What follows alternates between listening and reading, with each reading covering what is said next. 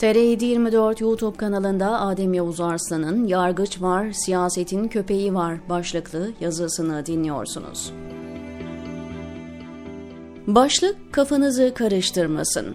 Konuyu karşılaştırmalı anlatınca kim yargıç, kim siyasetin köpeği kolayca anlaşılacak.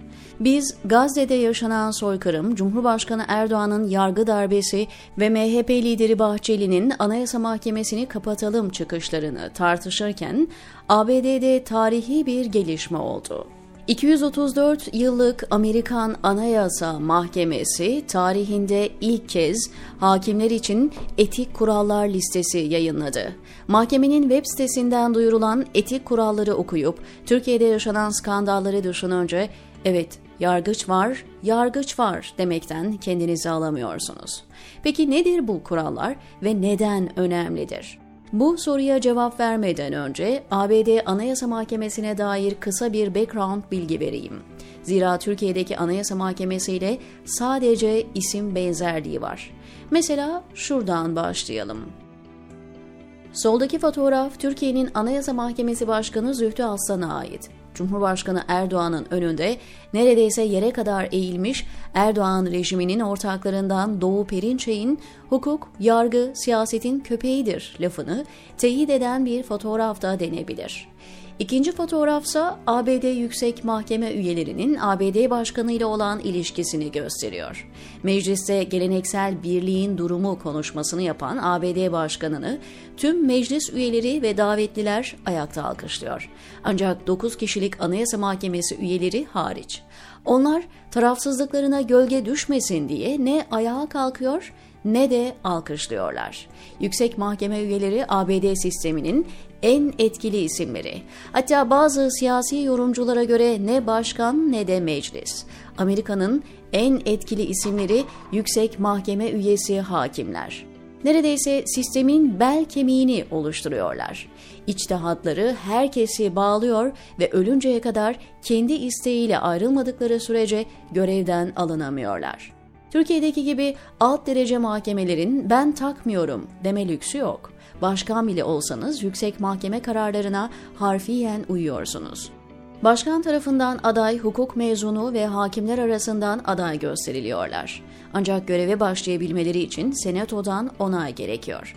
Senato onay aşamasında ise yüksek mahkeme adayı hakim senatörlerin karşısında ifade veriyor.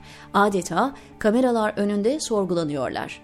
Ancak gerekli oyu alıp seçildikten sonra da bir daha görevden alınamıyorlar. Yani bizdeki gibi başkanın kafasına göre şekillendirebildiği bir yer değil.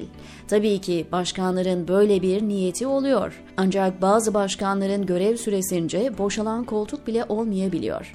Amerikan kamuoyundaki yaygın kanıya göre bir ABD başkanının en ayrıcalıklı işi yüksek mahkemeye yargıç atamak. Bir hakimin verdiği karar ülkenin siyasi ve toplumsal hayatını etkileyebiliyor. Mesela Amerikan Yüksek Mahkemesi Amerikan bayrağını yakmayı kriminal bir suç olarak görmeyip ifade özgürlüğü sayıyor. Bir başka kararsa şöyle. Bizdeki andığımız gibi okullarda öğretmenlerce toplu dua okutulması yasak. Böylece Hristiyan olmayan öğrencilerin zoraki olarak dua okuması ortadan kaldırılıyor. Amerikan filmleriyle büyüyen nesiller olduğumuz için hepimiz şu cümleyi ezbere biliriz. Sessiz kalma hakkına sahipsin. Söyleyeceğin her şey mahkemede aleyhine delil olarak kullanılabilir. Avukat tutma hakkın var. Paran yoksa senin için bir avukat tutulacak. Haklarını anladın mı? İşte bu cümle de bir yüksek mahkeme içtihadı. Esprisi şu, tutuklamanın meşru olabilmesi için tutuklanan kişinin haklarımı anladım demesi gerekiyor. Eğer İngilizce bilmiyorsa ya da sağlık sorunu varsa polis o sorunu çözmek ve sanığın haklarını anladığından emin olmak zorunda. Üstelik bu kararın alındığı tarih ise 1966. Yüksek mahkeme kararları genellikle liberal ve özgürlükçü oluyor. Bu arada bir hatırlatma yapalım. Yüksek yargıcı hangi başkan atarsa atasın o makama oturduktan sonra kimseyi tanımıyorlar. Nitekim Amerikan tarihi bunun örnekleriyle dolu. Başkan Nixon'ın başını yakan kararların altında kendi atadığı hakimler vardı. Gerçekten de atanan hakimler muhafazakar kimliğe sahip olsalar bile kararlarında özgürlükçü olmayı tercih ediyorlar. Çünkü kararlar tarihe geçiyor.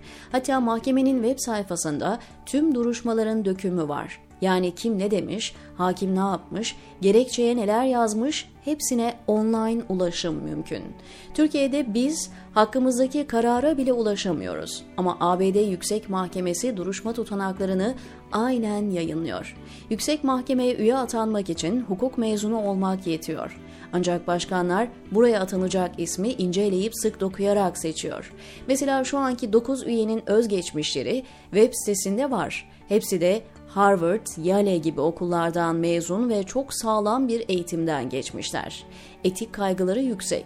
Hiçbiri de başkanın önünde eğilip cübbesinin olmayan düğmesini iliklemeye çalışmıyor. Özetle ABD Anayasa Mahkemesi'nin yapısı ve işleyişi böyle. Peki sistem bu kadar iyiyse nereden çıktı bu yeni etik kurallar? Sonuçta her şey insana çıkıyor. Sistemi ne kadar iyi kurarsanız kurun, birisi gelip bu düzeni sarsabiliyor. İşte bugün bahse konu etik kurallar böyle bir tartışmadan çıktı. Amerikan medyası ve siyaseti bir süredir muhafazakar kanatta yer alan hakimlerden Clarence Thomas'ın iş adamı arkadaşının sponsorluğunda yaptığı tatilleri tartışıyordu. Pro Republica'da çıkan bu habere göre, bu arada tabii ki bu haberi yapan gazeteciler tutuklanmadı, soruşturma konusu yapılmadı. Hakim Thomas, arkadaşı Crow'un finanse ettiği tatillere çıkmış, yatıyla seyahat etmiş. Hakim Thomas ise bu kişisel tatilleri rapor etmesi gerekmediği şeklinde bir savunma yaptı. Thomas, arkadaşlıklarının kişisel olduğunu, Crow'un yasal ya da siyasi konularda kendisinden bir talebinin olmadığını iddia etti. Ancak senato üyeleri soruşturma açılması talebinde ısrarlılar. Çünkü federal yargıçlar gibi yüksek mahkeme yargıçlarının da aldıkları hediyeleri beyan etmesi gerekiyor. Bu arada mahkemenin en muhafazakar yargıcı olarak bilinen Thomas, 1991 yılında dönemin ABD Başkanı George Bush tarafından atanmıştı. Yani çok uzun süredir o koltukta oturan bir isim. ABD Anayasa Mahkemesi bu tartışmalar üzerine mahkeme üyelerinin uyması gereken etik kodları bir basın açıklamasıyla duyurdu. 234 yıllık mahkeme tarihinde böyle bir olay ilk kez yaşandı. 9 sayfalık mesleki etik kurallar da hakimlerin kişisel ilişkilerin işlerini etkilememesi gerektiğini hatırlatıyor, hediye kabullerine sınırlamalar getiriyor. Peki listede neler var? Aslında listede bilinmeyecek ya da şaşırtacak bir düzenleme yok. Ancak hiçbir kuralın olmadığı Türkiye gibi ülkelerde böyle şeyleri hayal etmek bile mümkün değil tabii. Aslında mahkemenin yayınladığı etik kodları tercüme edip aynen yazıya koymak iyi olabilirdi.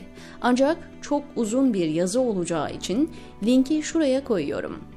Son derece detaylı bir liste yapılmış. Hakimlerin neleri yapabileceği, neleri yapamayacağı tek tek kayda geçirilmiş. Alt başlıklara bakınca olası tüm suistimalleri önlemek için her ihtimalin göz önüne alındığını görebiliyorsunuz.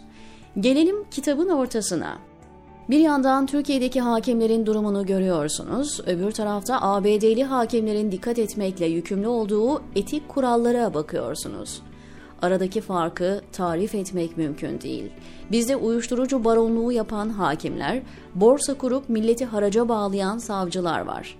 Onlar da bırakın rüşveti, küçük de olsa aldığı hediyeyi raporlamak zorunda olan hakimler. Etik kodlar listesinde öyle detaylar var ki insan ister istemez onlar hakimse bizimkiler ne demeden edemiyor diyor Adem Yavuz Arslan TR724'deki köşesinde.